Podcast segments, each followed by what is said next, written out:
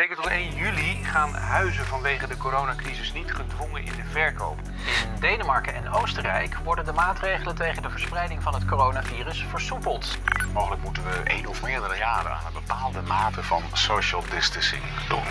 We will be with our friends again. We will be with our families again. We will meet again.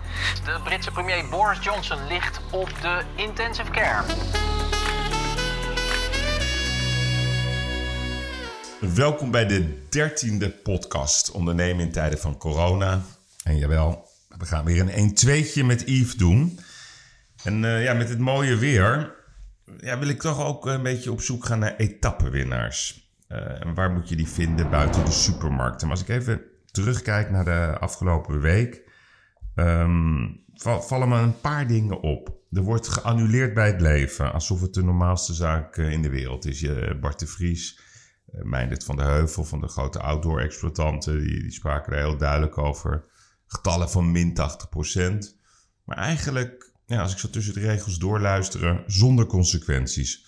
Rob Jansen, uh, voetbalmakelaar, die heel duidelijk was: ja, als je wil dat voetballers een gedeelte van hun salaris inleveren, dan moet je dat opleggen. Je moet het niet vragen, want het gebeurt niet.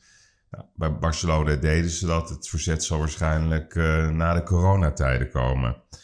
Um, als je kijkt in de kranten, wat er de laatste week vooral te lezen was. Um, de HEMA die vraagt om een halvering van de huur. Wat op zich niet heel onlogisch is om uiteindelijk gewoon ook van hun oude schuldenlast verlost te raken. Maar ook een AS Watson, dat is de groep achter ketens zoals Trekpleister, uh, IC Paris. Die sturen gewoon een brief, we betalen geen huur meer. Dus ja, ik werd een beetje nieuwsgierig naar, kan dat allemaal? Dus ik noem dat de annuleringsmaatschappij. En dan ga je op zoek naar een advocaat. Is er jurisprudentie? Is er corona-jurisprudentie? Gaan we van een solidair tijdperk naar een stressvol tijdperk? Gaan we van coöperatie naar conflict? Dus ja, dan kan je gaan zoeken in de Zuidas. Ik ken genoeg advocaten in de Zuidas, maar dan ben ik een beetje bang dat ik heel veel corporate antwoorden ga krijgen. Dus ik dacht, ik ga eens een echte ondernemersadvocaat bellen. En dat is uh, Arjen Paardenkoper. Hij is van de Blenheim Advocaten. Ik ken hem als flamboyant en uh, spraakzaam, dus misschien is hij dat ook vandaag. Ik ga het eens proberen. Yves, goedemorgen met, uh, met Arjen Paardenkoper. Hi. Ja, goedemorgen Arjen. Hallo, hoe is het? Ja, we zijn al uh, online, hè? dat moet ik altijd even bij zeggen, dan weet je dat. Het gaat heel goed. Ik heb net twee uur een, een anti-corona-wandeling moeten maken. En ik krijg net een bericht van een vriend van mij die zegt, uh, die bij McKinsey zit. Uh, jullie hebben de afgelopen twee weken niks van me gehoord, maar ik had corona. Oh, en vrienden, en vrienden, let op, dit moet je niet hebben. Dat is een hele slanke, fitte baas. Okay. En hij zegt, ik heb gewoon nog een week lang of twee weken heb ik thuis gezeten met iedere dag arts aan mijn bed twijfelgeval of ik naar het ziekenhuis moest of niet. Maar ik heb continu het idee gehad dat ik in een warm bad zat wat te diep was. Waar dat water dat tot aan mijn lippen stond. Ja. En ik continu moest vechten om ervoor te zorgen dat het water niet mijn mond inliep. Dus uh, Zo. het is en een hoe, hoe, aparte hoe tijd. Oud is, hoe oud is hij, deze man? Uh, Olivier is 48. Ja, ja. En, en je kent hem als fit en... Ja, heel fit. De, de marathonloper, de slanke, slanke baas, gezonde levensstijl. Dus niet, een, Dus, niet, een, eh, niet eentje die zeg maar in de, in de risicogroep valt. Nee, precies. Niet één die in de risicogroep valt. En die nog vertelt dat een bevriende arts uit het AMC zo lief is geweest om iedere dag na haar werktijd, nadat ze er 12 uur op had zitten, nog even met hem te facetimen. Ja, Om te kijken hoe het met hem ging. Regelmatig mensen aan zijn bezoek in maan pakken aan zijn bed. ja, dus ja. dat is toch. eh, Ja. ja, dus dan komt het toch dichtbij. Want ik heb nu eh, uit mijn fietsclub vier man die ziek, die ziek zijn geweest, maar zijn hersteld. Ja. Een vader van een vriend overleden aan corona. Dus Ja. het, is toch, eh, het komt toch dichterbij dan je denkt. In deze tijd eh, moeten we oppassen. Dat zegt hij ook, vrienden. Zorg voor elkaar en pas op dat je het niet krijgt. Maar aan de andere kant, hij voldoet wel aan de primaire wens van Rutte. Van Rutte. We moeten groepsimmuniteit gaan creëren. Ja, dus in die Dat chatgroep vind ik waar weer ik zo zit, ingewikkeld, vind ik dat weer. Ik, ik, ik, weet, ik heb toevallig gisteren zelf een coronatest gedaan, omdat ik een cliënt heb die handelt in die dingen. Dus ik kon er tien kopen. Ja. Ik dacht, nou, toch eens kijken. Eh, iedereen denkt tegenwoordig dat ze corona hebben. Een Ja. tijd slecht gevoeld. Ja. Ja. natuurlijk niks aan de hand. Maar nu, eh, in- binnen die groep vrienden waar dit bericht net binnenkwam, is één ondernemer die heeft een gezondheidspreventiebedrijf, vrij succesvol bedrijf. En die wilde zichzelf vrijwillig met corona laten besmetten om te voldoen aan de eis van Rutte om uh, groepsimmuniteit te kweken. Hmm. Dus de eerste vraag die net kwam, Mikkel, laat jij je nog vrijwillig besmetten of denk je er nog even over na? Oh, dus Mikkel Pauw van het... Uh... Nee, nee, niet, nee, niet. Nee, de, de Mikkel Hofstede die heeft de Lifeguard, een, een, een verzuimpreventiebedrijf die in deze tijd ongelooflijk uh, actief zijn. Ja. ja. Maar voor te zorgen dat mensen gezond blijven. Kijk, ik heb natuurlijk overgewicht. Dat zien de luisteraars niet, denk ik. Maar, um, dus ik zit vol in de risicogroep. Ja, uh, zeker. Uh, dus gisteren kwam, dat, kwam, dat, kwam dat weer eens even door. Dus misschien nou ja, een extra stimulans, laten we het zo zeggen, Yves. Ja, want even als je kijkt naar... Ik, ik noemde jou bij de introductie een mogelijke etappenwinnaar van deze coronatijden. um, vertel eens even, wat, wat jullie kantoor... Ik, dacht, ik, zei, ik zei namelijk... Ik, wil graag een ondernemersadvocaat in plaats van. Ik ken natuurlijk ook heel veel corporate advocaten, maar dan krijg je denk ik vooral een beschouwing van de wereld. En daar ben ik Ja. niet naar op zoek. Ik ben echt op zoek gewoon naar, ja, naar de praktijk. Wat, wat, is, wat voor Ja. kantoor zijn jullie? Wij, wij zitten in Amsterdam met eh 50 man, waarvan eh, eh, bijna 30 advocaten. Heel erg gericht op ondernemers, vastgoed, arbeidsrecht.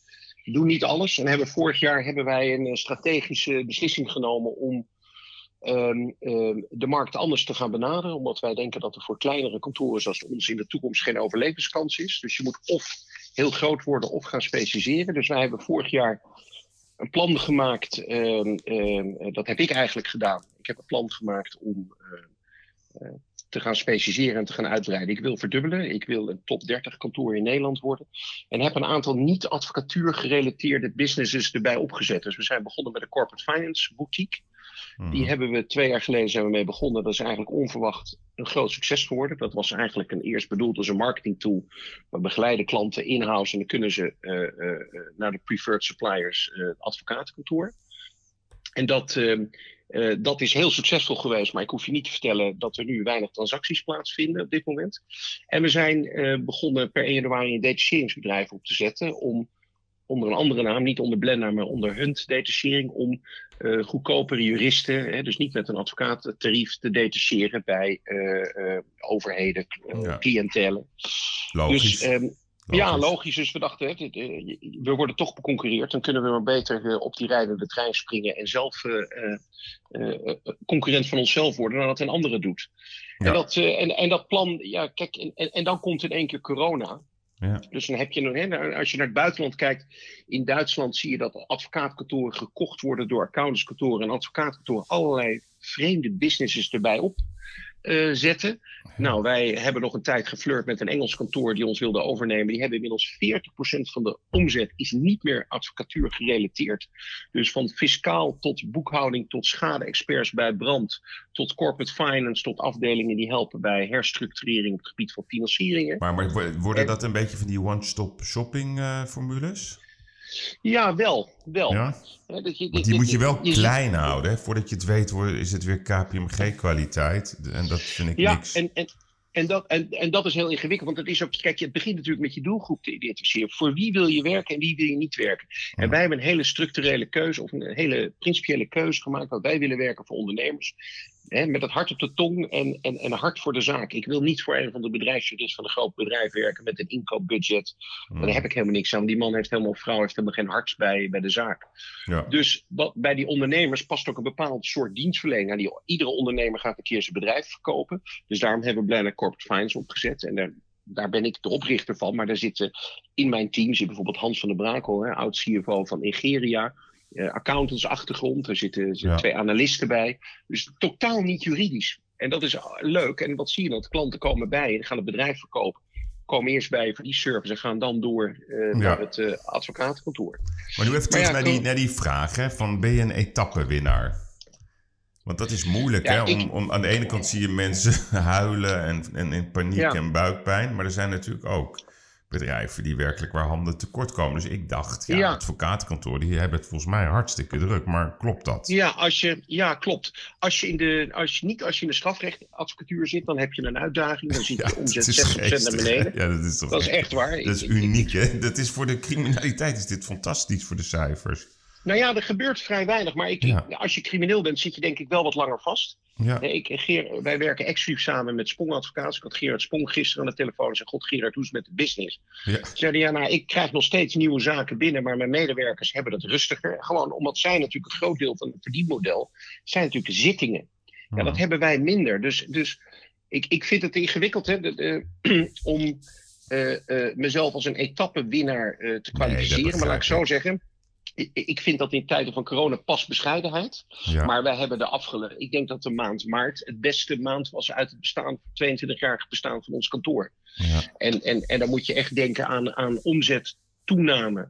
En dat is dan vanaf 16 maart, hè, omzettoename van uh, 18 tot 20 procent. En een, uh, een hogere betalingsratio. Dus wij zitten op 22 procent meer betaling in de maand maart. Nou, de eerste week is net voorbij, uh, april. Ik denk iedere week van god, zou het nog doorlopen? Ik krijg, dagelijks krijg ik overzichten van HR, hoe het zit met, uh, met de werkverdeling. Hebben mensen genoeg werk?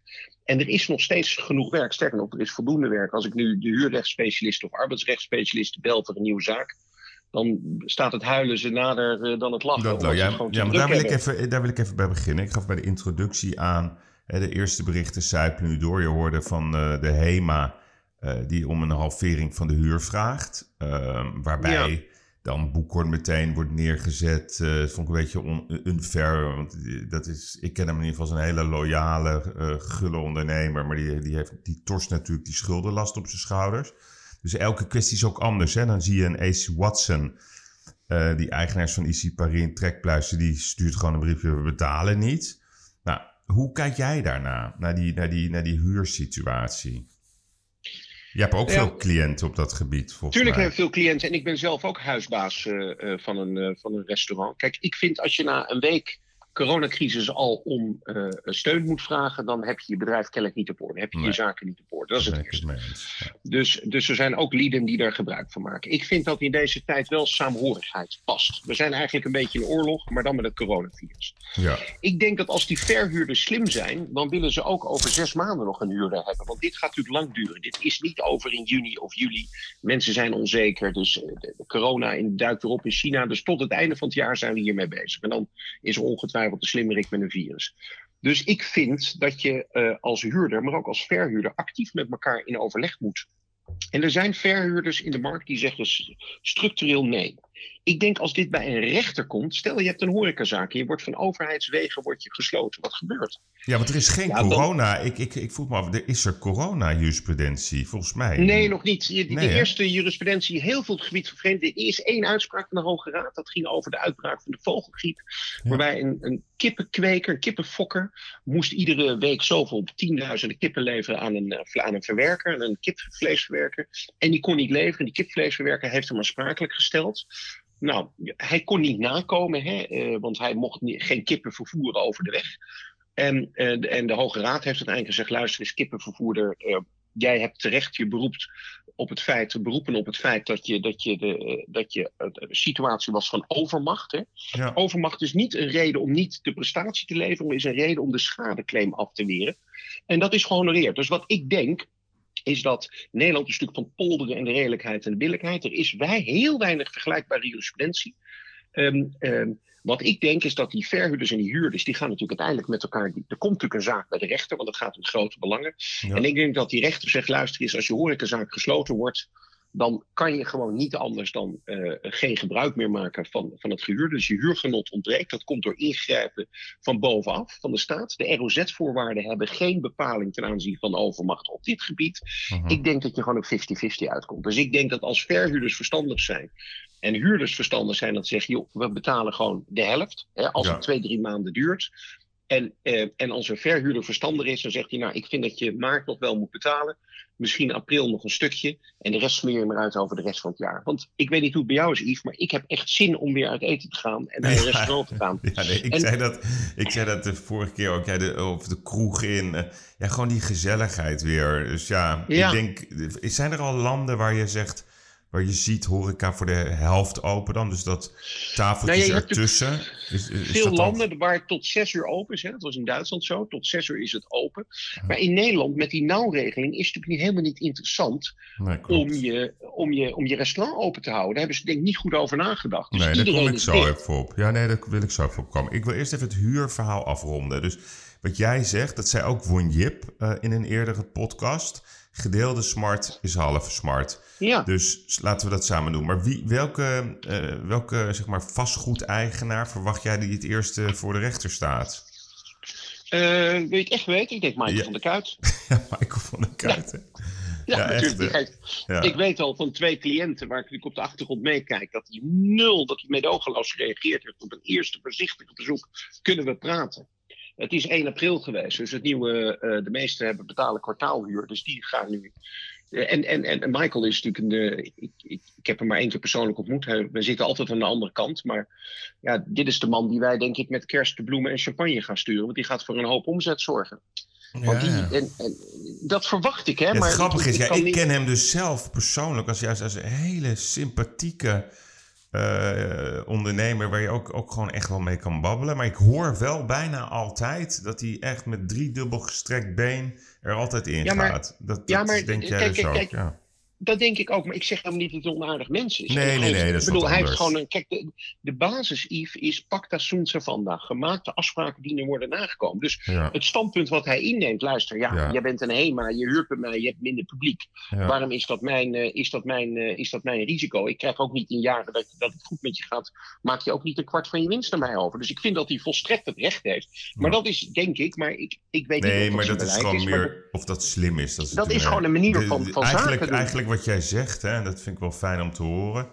We moeten het wetboek even, even apart leggen. We moeten gewoon op basis Ja. van redelijkheid en billijkheid en menselijkheid gewoon met elkaar op de tafel gaan zitten. Nou ja, kijk, de, eerste Maar dat is moeilijk, hè? Omdat dat. Ja, Ja, want mensen komen in de knel. Kijk, ik Ja, vind dus dat iedereen ook elkaar moet blijven betalen. Wij, wij hebben met ons kantoor, wij, wij zijn goed liquide. Wij hebben als partners geen winstdelen opgenomen. Wel de managementvergoeding uitgekeerd, die aanzienlijk lager is dan het winstdeel. En wij, alleen maar om het kantoor liquide te houden. En een van de, van de dilemma's die we hadden, gaan we wel of geen loonbelasting betalen? Nou, wij vinden, wij hebben een goede maand gehad, dus we betalen gewoon loonbelasting. Want er moet ook gewoon geld in de economie blijven pompen. En je moet ook gewoon, je moet ook gewoon al je schuldeisers blijven betalen. Dus voor zover als het kan. Wij hebben makkelijk praten, maar als het niet kan, we hebben natuurlijk ook klanten die nu zeggen, ja, we kunnen niet betalen. Ja, daar moet je soepel mee omgaan, vind ik. Ja, nee, precies. En dan even. Oké, dus ik vind hem wel leuk. eh, We noteren Michael van der Kuit. Ehm, en hoe kijk jij naar, naar de rechtbank? Wanneer vind jij dat de rechtbank weer, weer open moet? Nou ja, ik las net eh, gisteren dat ze, dat ze wel weer open gaan, maar digitaal. Hè. De rechtbank is natuurlijk een hopelijk archaïsch eh, instituut in Nederland. Ik was 15 jaar geleden in Hongkong. Daar gaat alle rechtspraak ging toen al digitaal. De rechters hebben laptops in plaats van dikke dossiers. Nou, in Nederland is dat niet gelukt. Ze zijn 180 miljoen verder. Het is nog niet digitaal. En nu vorige week riepen ze, ja, je kan een zitting kort gedingen schriftelijk doen en dan een Zoom-meeting erachteraan, Ja. als je dat wil. Alsof, alsof ze het licht hebben uitgevonden. Ja, dat is ongelooflijk. Maar die rechtbanken moeten natuurlijk snel open. Want je hebt nu, het gaat rechtsonzekerheid creëren. Want wat je namelijk gaat doen is. Ik, ik, ik vroeg een deurwaarder om in actie te komen om iets persoonlijk te betekenen. Die man zei tien dagen geleden, dat doe ik niet. Ik heb geen zin in corona. Die weigerde gewoon. Daar kan je een enorm probleem van maken. Hebben we niet gedaan. Andere deurwaarder die het wel weet. Maar als jij nou weet dat, eh, dat, dat je, je je wanpresteert en je weet dat je wederpartij kan wel in kort geding eh, aanvragen, maar dat die ergens in september aan de beurt is, ja, dat gaat natuurlijk ook tot een beetje chaos leiden. Dus ik denk dat de rechterlijke macht er verstandig genoeg om zo snel mogelijk open te gaan. En die zitten gewoon digitaal te doen. Ja. Als wij met Zoom of Microsoft Teams gewoon eh, bespreking kunnen houden, waarom kunnen rechters het niet? Nee, er zeker. En ik denk dat simpele zaken sowieso. Maar dat zijn wel de lessen, hoor, denk ik, uit deze tijden. Dat sommige dingen zijn zo simpel. Onderwijs, wat gedeeltelijk digitaal kan. Simpele rechtszaken zouden natuurlijk ook digitaal moeten. Nou ja, kijk, het, het is ook voor mij. Ik was, wij zijn behoorlijk aan het groeien. Dus wij waren bezig. Wij hebben, zijn eigenaar van het pand, maar er zit nog een stuk bij wat niet van ons is, wat we konden huren voor een hoop geld. Nu denk ik, nou, waarom zou ik eigenlijk nog huren? Iedereen is veel efficiënter sinds ze thuiswerken. Ze missen het wel, de mensen. hè. We doen een kantoorborrel digitaal. Maar waarom zouden we niet, waarom zou ik nog gaan investeren in extra kantoorruimte? Laat mensen maar thuiswerken. Iedereen gaat van zijn eigen kamer af, rolerende kamers. Wel zorgen voor een rustige werkplek, maar ik ga geen eh, vastgoed erbij huren of bijkopen. Ik vind het wat dat gaat, vind ik het een eye-opener. Ja, dus, dus ook de toekomst ligt ook in een thuiswerkmodel. Dat is wat. Ja, wat, eh, natuurlijk. zeker, zeker. Nou ja, zolang je geen kinderen thuis hebt. Hè. Kijk, de mensen die, die nee, geen exact. vitaal beroep hebben met twee jengelende kinderen aan hun, aan hun broek hangen, dat is natuurlijk vervelend in deze Ja. tijd. Maar die werken Ja. als avond. Ja, exact. hey, en dan even, we gaan even van het huurrecht even naar het arbeidsrecht. Hè? Dus je begon al over de nauwregeling. Nou, die, Ja. die, die is ook in drie fases gegaan. Eerst was het eh, min 70% voor ATV. Toen werd het 90% eh, op het omzetverlies. Maar ik moet je wel zeggen, ik vind dat namelijk een interessante juridische vraag. De indruk die de ministers bij mij werkten was van ja, iedereen krijgt dat. Maar als je het dan nee, gaat... dat is helemaal niet waar. Oké, Nee, Leg uit, niemand. want- Nee, nee, nee, Nou ja, nee, dat- dat ik bedoel dus, meer eh, te zeggen... Nee, wacht even, ik, leg het verkeerd, ik stel mijn vraag niet goed. Ik bedoel te zeggen, dus de getroffen sectoren... de indruk die werd gewekt, laat ik het zo zeggen... als je een getroffen sector was... dan krijg je gewoon dat vergoed. Maar dan bij doorrekenen bleek het een heel ingewikkeld rekenmodel te zijn... ten aanzien van het omzetverlies van een bepaalde specifieke periode. Drie maanden Ja. aansluitend. Nou, dat ja, vond ik even uitzoeken. Hoe kijk jij daar naar? ja, dat is ook. Kijk, het, het, bij de horeca is het geen discussie. Hè? Alhoewel zich Nee. daar een heel interessant fenomeen voor doet. Want De daar heeft niemand over nagedacht. De Nou, de hele Ja. Nee, maar de, hele maar de hele horeca is, is natuurlijk aan payrollen. Dus die heeft helemaal geen personeel op zijn loonlijst staan. Die staan bij een payroller. En die Ah. payroller, die payroller, wat doen die payrollers? Die sturen gewoon nog facturen automatisch eruit voor de maand maart. Maar wat krijg je dan? De payroller heeft dan geen omzetverlies, want die factureert. En die komt dus niet in aanmerking voor de nauwregeling, maar rekent het wel door aan de horecaondernemer. Dus nu zitten massaal horecaondernemers met de vraag: moet ik betalen of niet? Mijn advies is niet betalen, want er is geen werk geleverd, partieel ontbinden. Daar is een heel. Maar sommige payrollers berekenen 100% door, andere 60, andere berekenen niks door, want dan hebben ze 0% omzet. De vraag is of, dat, of de overheid daar een uitzondering gaat voor maken. Ik geloof dat er 2 miljoen mensen die in die payroll zitten, waarvan echt heel veel in de horeca. En, en, en daar gaan nu grote problemen. Dus heel veel horecaondernemers vechten nu met hun payrollers, omdat die gewoon een rekening blijven sturen. En daardoor komt de payroller niet in aanmerking voor de nauwregeling, want die heeft nog steeds omzet. En dat is inderdaad het gemiddelde. Nou, en die maanden waren al niet best de afgelopen maanden. Hè. Januari februari zijn geen topmaanden, maart ook niet. Dus, daar kan je, dus dat is een probleem. Maar ik denk dat je het Sorry, eigenlijk je even, door... eh, wacht even, één seconde. Ik wil Ja? even onderbreken. Een kort vraagje. Die payroller, wie betaalt nou ehm, zeg maar de, de werknemer? Is dat de payroller die dan De payroller. Ja, ja, dus maakt die gebruik van betaalt- maar. Maar dan heeft de payroller dus een megaprobleem als een horecazaak failliet gaat. Nou ja, de- of andersom. Als de payroller failliet gaat en Ja. die heeft zijn premies niet afgedragen op basis van de wet ketenaansprakelijkheid, komt alsnog die premieclaim terecht bij de horeca. Dus ik roep ook de overheid op om over dit fenomeen te gaan nadenken. Ja, want goeie. niemand weet het. Iedereen adviseert. er. De ene advocaat zegt niet betalen, de ander zegt gewoon vol betalen. De ander zegt ja, we moeten andere contracten hebben, dat we als één bedrijf worden gezien. Ja, Maar het grootste probleem is dat de, de wet ketenaansprakelijkheid, dat dus de horecaonderneming blijft aansprakelijk voor de premies en de belastingen van de payroller. En als die het niet afdraagt, omdat die krap zit en al die mensen op zijn payroll heeft waar die vanaf moet, ehm, eh, is dat nog een uitdaging. Dus ik denk dat daar waar de horeca dacht we zitten safe, is iedereen die in de horeca zat en nu op de payroll zit, heeft een uitdaging en loopt een enorm risico. Is gewoon in paniek. Ja, Ja. dus om terug te komen op je vraag, Yves. Die regeling, die nauwregeling is aardig, maar het wordt natuurlijk een ontzettend gehakketak. Ik kan me voorstellen dat die overheid niet moeilijk doet, maar dat we achteraf bedrijven natuurlijk te veel zullen hebben gekregen of te weinig. Ik denk dat je als bestuurder van een bedrijf moet uitkijken dat je niet een te groot beroep doet op de nauwregeling en straks in faillissement geraakt.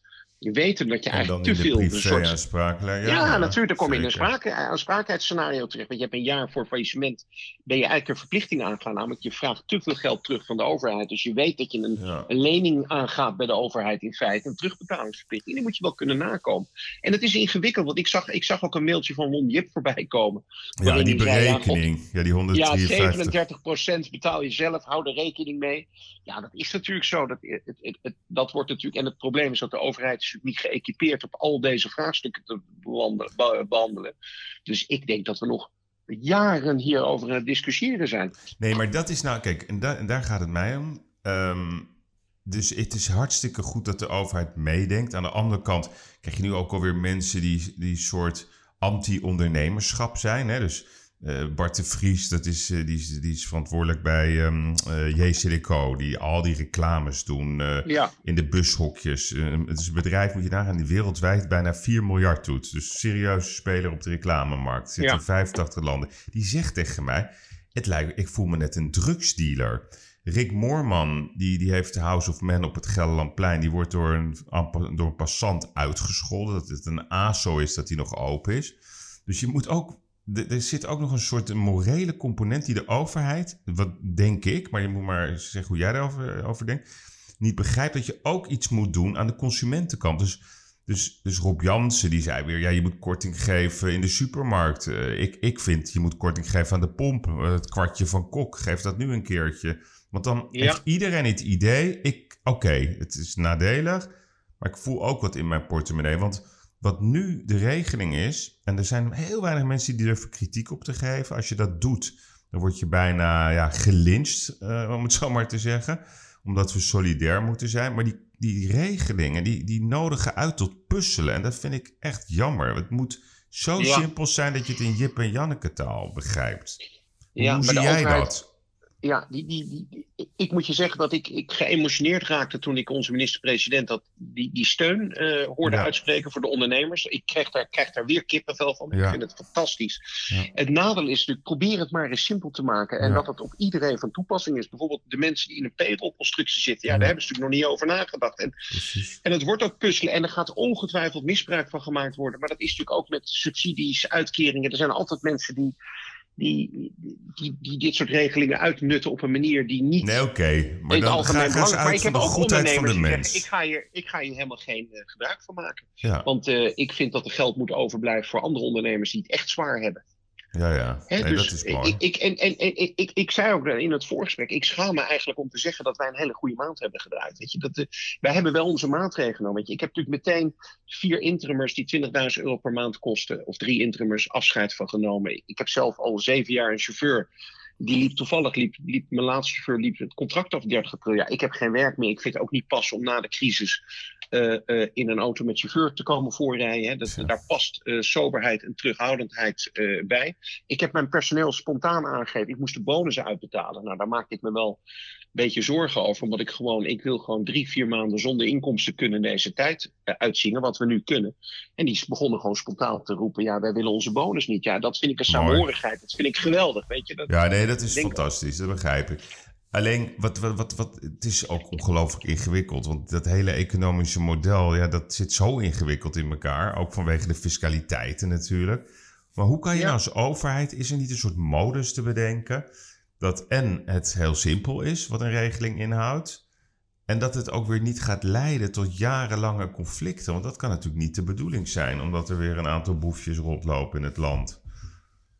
Is er niet een andere ja, manier? Ja, die boefjes. Ja, nee, maar snap je wat ik bedoel? Gewoon een, gewoon een, gewoon een, jaar, een jaar de vennootschapsbelasting afschaffen. Nou ja. Meer dienst, dus dat heeft ook geen zin. Ja, nee, maar kijk, dat, jij zegt dat zo. Maar kijk, als je gewoon kijkt. Zij hebben 100% inzage in loonbelastinggegevens. Ja, dus je kunt het gewoon volgen. Ze hebben 100% inzage in VPB, 100% in de eh, OB-structuur. Dus die cijfers zijn er. Is het niet veel beter om, om vanuit de herkenbaarheid uh, uh, kortingen of regelingen te gaan doen dan wat er nu wordt gedaan? Ja, want nu krijgt in feite iedereen betalingsuitstel. En een, ik denk dat het, het, het, succesvolle beroep op de nauwregeling tegen zullen vallen in de praktijk. Ik denk dat dat enorm, ja. dat heel veel mensen zich dat helemaal niet realiseren. Iedereen denkt, god, we hoeven geen btw af te dragen, geen loonbelasting. Maar in feite nemen gewoon je, nemen je schulden toe en je inkomsten af. Dus in, iedereen gaat, staat er slechter voor over een paar maanden. Ja, ja schuldenmaatschappij, dus, 100%.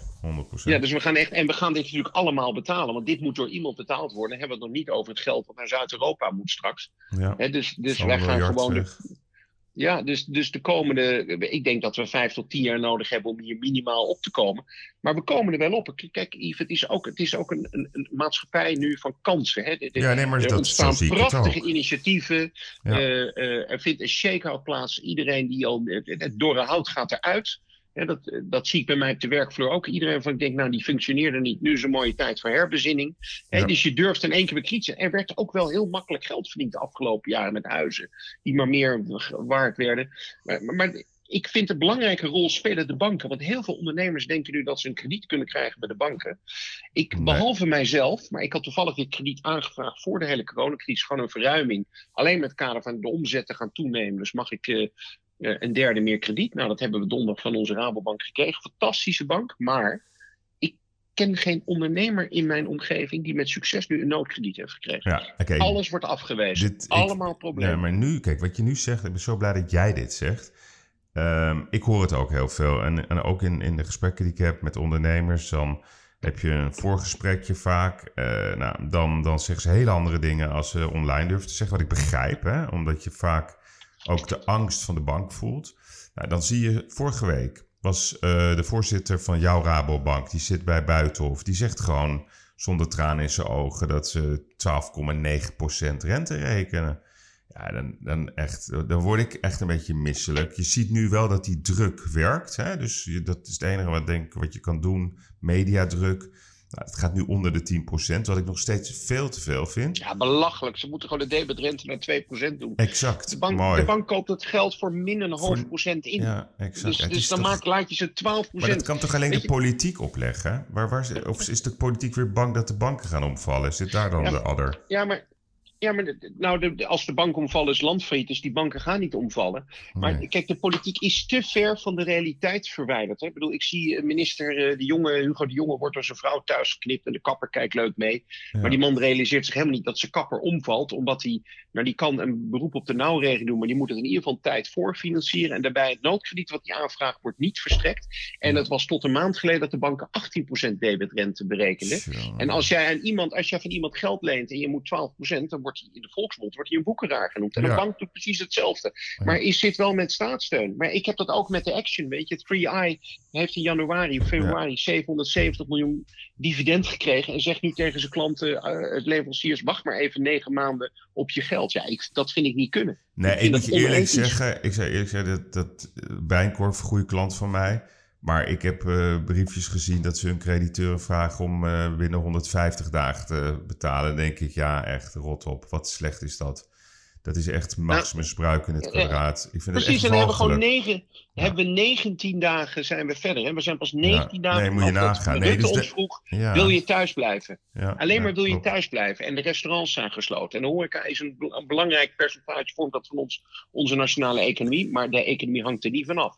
Maar jij Weet zit je, aan dus het dat- front, hè, Arjen? Dus, dus, dus jij Ja. bent, ik noem jou even frontsoldaat. Dus jij ziet wat er Ja. gebeurt. Dus, dit Oh, dit- nee, maar eerst was die solidariteit. Heb jij het Ja. idee dat En nu nu... wordt het knokken. Ja, hè? Het zijn gewoon ratten die in de val zitten en aan het vechten zijn. ja. Er wordt geen overeenkomst meer aan. Iedereen wanpresteert gewoon mensen. Of massaal wordt er gewanpresteerd. We betalen gewoon niet meer. We schuiven op. Luxejachten worden niet meer afgenomen met, met een, een, een, een beroep op corona.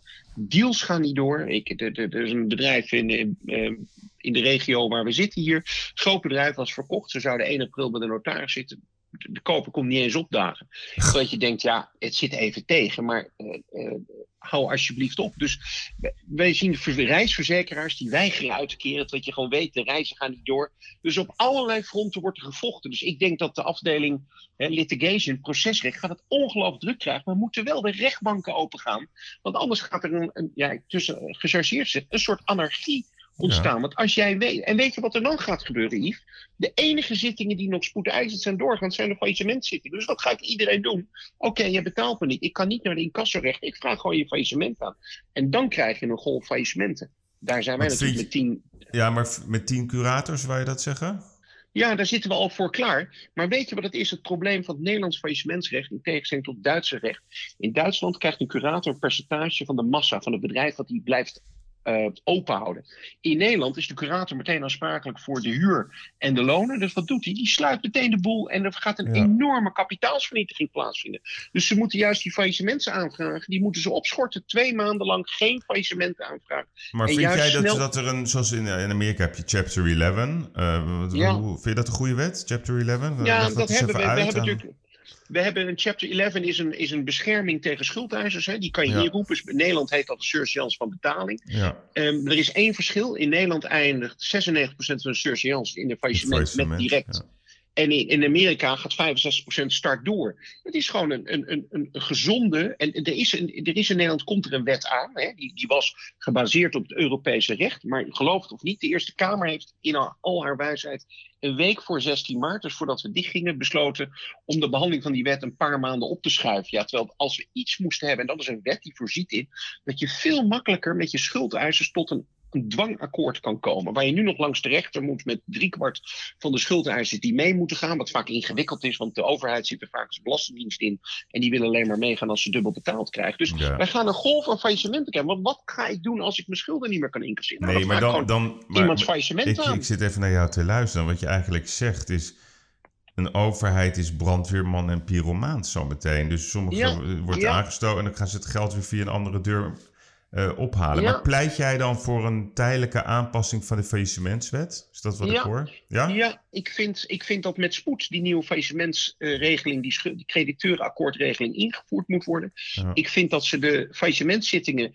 zolang we dicht zijn, plus drie weken daarna moeten opschorten. Gewoon zet die faillissementsrechters alsjeblieft in op, op de normale handelszaken, hè, de incassozaken. Want dit gaat tot, dus de banken krijgen extra geld en, en krijgen verruiming van de kredietregels, hè, Basel 3, iedereen kent die regels wel. Ja. Die gaan allemaal, uh, staten mogen meer schulden maken op Europees niveau. De banken krijgen meer geld, maar keren het niet uit aan de ondernemers. De ondernemers gaan uiteindelijk failliet. Want die zittingen worden nog wel gedaan. En er vindt een enorme kapitaalvernietiging plaats. Ja. Al die bedrijven die maar gesloten maar okay, worden. Maar dan, dan, dan aan de ene kant, oké, okay, pas daar faillissementswet aan. En, en, en als je kijkt naar de banken. Want de banken gaan niet uit zichzelf risico's nemen. Maar, aangepakt maar worden. hoe moet je dat dan doen? Moet dat ook vanuit de over? Hoe, ik had het erover laatst met iemand. Ik zei, waarom niet gewoon bestaande rekening couranten zonder problemen uitbreiden met 25%? Uitsluitend over ja. gezonde bedrijven.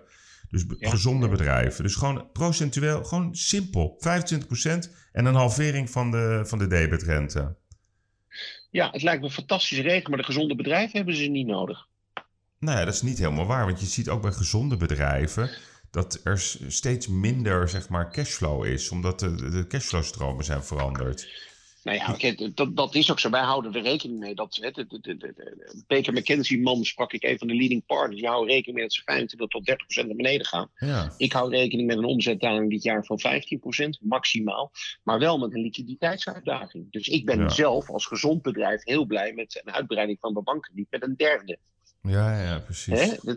Dus ik vind jouw regeling is wel een simpele regeling. Kijk, Ja. dat soort regelingen moet je toepassen. Maar het vervelende is, het was net zoals in de crisis 2008, 2009 met de bankencrisis en alle bonus die betaald werden.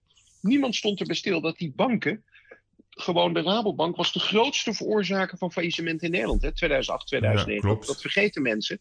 En nu is de enige bank die niet zegt van ja, ik, ehm, ik ga automatisch zet ik je rente en aflossing stil, wat ABN wel doet in ING.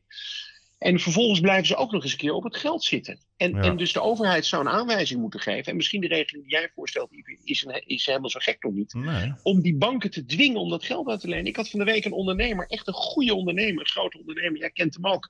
En die tegen mij zegt, ja, maar ik heb een noodkredietaanvraag gedaan. Nou, die zit echt in de horeca cateringbranche. Die is gewoon afgewezen. Ja. Hoe kan dat nou? Ze doen het gewoon niet. En zo binnen een uur, nee, we beginnen we niet aan. Nee, maar En ik daarbij hoor, ook, het ik zelfs, ik weet niet, ik hoor zelfs vragen of voor bij de samenstelling van de jaarrekening 2019 of ze een continuïteitsverklaring kunnen afgeven op basis van de coronasituatie. Nou ja, ik bedoel, als je die, Ja, nee, die vond ik zo origineel en ik denk, die had ik nog niet Ja, gehoord. Maar weet je wat er gebeurt, Yves? Iedereen met een gecontroleerde jaarrekening, de accountant moet een continuïteitsverklaring afgeven. Die gaat hij niet afgeven. Nee. Dan ben je wel meteen voor je bankconvenant, zak je meteen doorheen en is meteen je lening opeisbaar. Dat zijn wel de gevolgen waar mensen niet bij stilstaan. hè. Ja, maar goed, dat zijn ook dus weer. Dus al, dat soort dingen, daar, dat, de politiek weet dat blijkbaar niet.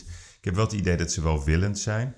Ik, ik zou ook vertellen, Ja. ik weet dat de politiek ook luistert naar deze podcast. Het heeft even geduurd, maar ook de juiste mensen eh, luisteren inmiddels. Dus het- ik denk het enige wat we kunnen doen is in aardigheid, ehm, met permissie uiteraard, roepen van ja, denk hier eens over en daar, denk daarover. Want ja, Ja. tegen elkaar schreeuwen eh, zijn we wel achter, het heeft allemaal geen zin. Maar Uiteindelijk zullen zij ze het moeten doen. misschien kunnen ze nog meteen de KLM kopen. Het lijkt me een mooi moment om de KLM terug te kopen. En dan moet Ja, daar Frans maar ik- meteen bij doen. Ja, daar ben ik helemaal voor. Zo, zo ken ik je. We moeten positief blijven. Spu En- Spuiten we de vliegtuigen Dus- allemaal in blauw van de Air France. Heerlijk, ja. Ja. Op, ja. hey, we zijn een beetje zo het einde bereikt. Eh, heb jij nog een goede tip voor al die ondernemers die, eh, eh, ja, die, die dit eigenlijk nooit eerder hebben meegemaakt? Hè? Jij hebt het over 2008, kijk- maar ik ken heel wat ondernemers ja, die, die voor dus nieuw crisis. Wat is jouw, jouw, jouw tip? Ja, always look on the bright side. Kijk, normaal hebben we een Ja, crisis nee, en dan is, maar- is, is, is de vijand ongrijpbaar. Dan gaat het opeens slechter en prijzen gaan omhoog en rente gaat omhoog. Maar Ja. nu hebben we een hele duidelijke vijand. Het is gewoon oorlogstijd en de, oorlog, de vijand heet corona. Ja. En als die corona weggaat, gaan we er gewoon in september met z'n allen met een wederopbouwgedachte vol tegenaan. En bouwen we dat land in no time op, zoals we dat ook na de Tweede Wereldoorlog Ja. onze ouders en grootouders hebben gedaan. Dus blijf positief en blijf vooral betalen. Want als niemand meer zijn schuldeis betaalt, dan valt die economie stil. En dan, volgens mij, hebben we dan pas echt een probleem. Ja. En blijf inventief. Wij hebben iedere week hebben een actie om ondernemers te helpen, maar we natuurlijk ook weer geld mee verdienen, want daar zijn we niet vies van. Ook wij moeten blijven bestaan ja. je wordt er gewoon, blijf inventief. Hè. Ik, zie, ik zag Ron Blauwer met een mooi initiatief eh, eh, langskomen. Eh, zo zijn er natuurlijk veel ondernemers die geld verdienen. Ja, wij, wij, wij werken ook voor een leverancier van mondkapjes. Nou, ik hoef je niet te vertellen dat die natuurlijk een fantastisch, fantastisch product heeft in deze tijd. ja, zeker. Oké, nou Arjen, ehm, Dankjewel, Yves. geniet van je mooie uitzicht daar aan, aan het ei. ja, zal ik doen. Jou, wat ga je goed, strong. Oké, goed zo. Dankjewel hè. Bye Hoi. bye.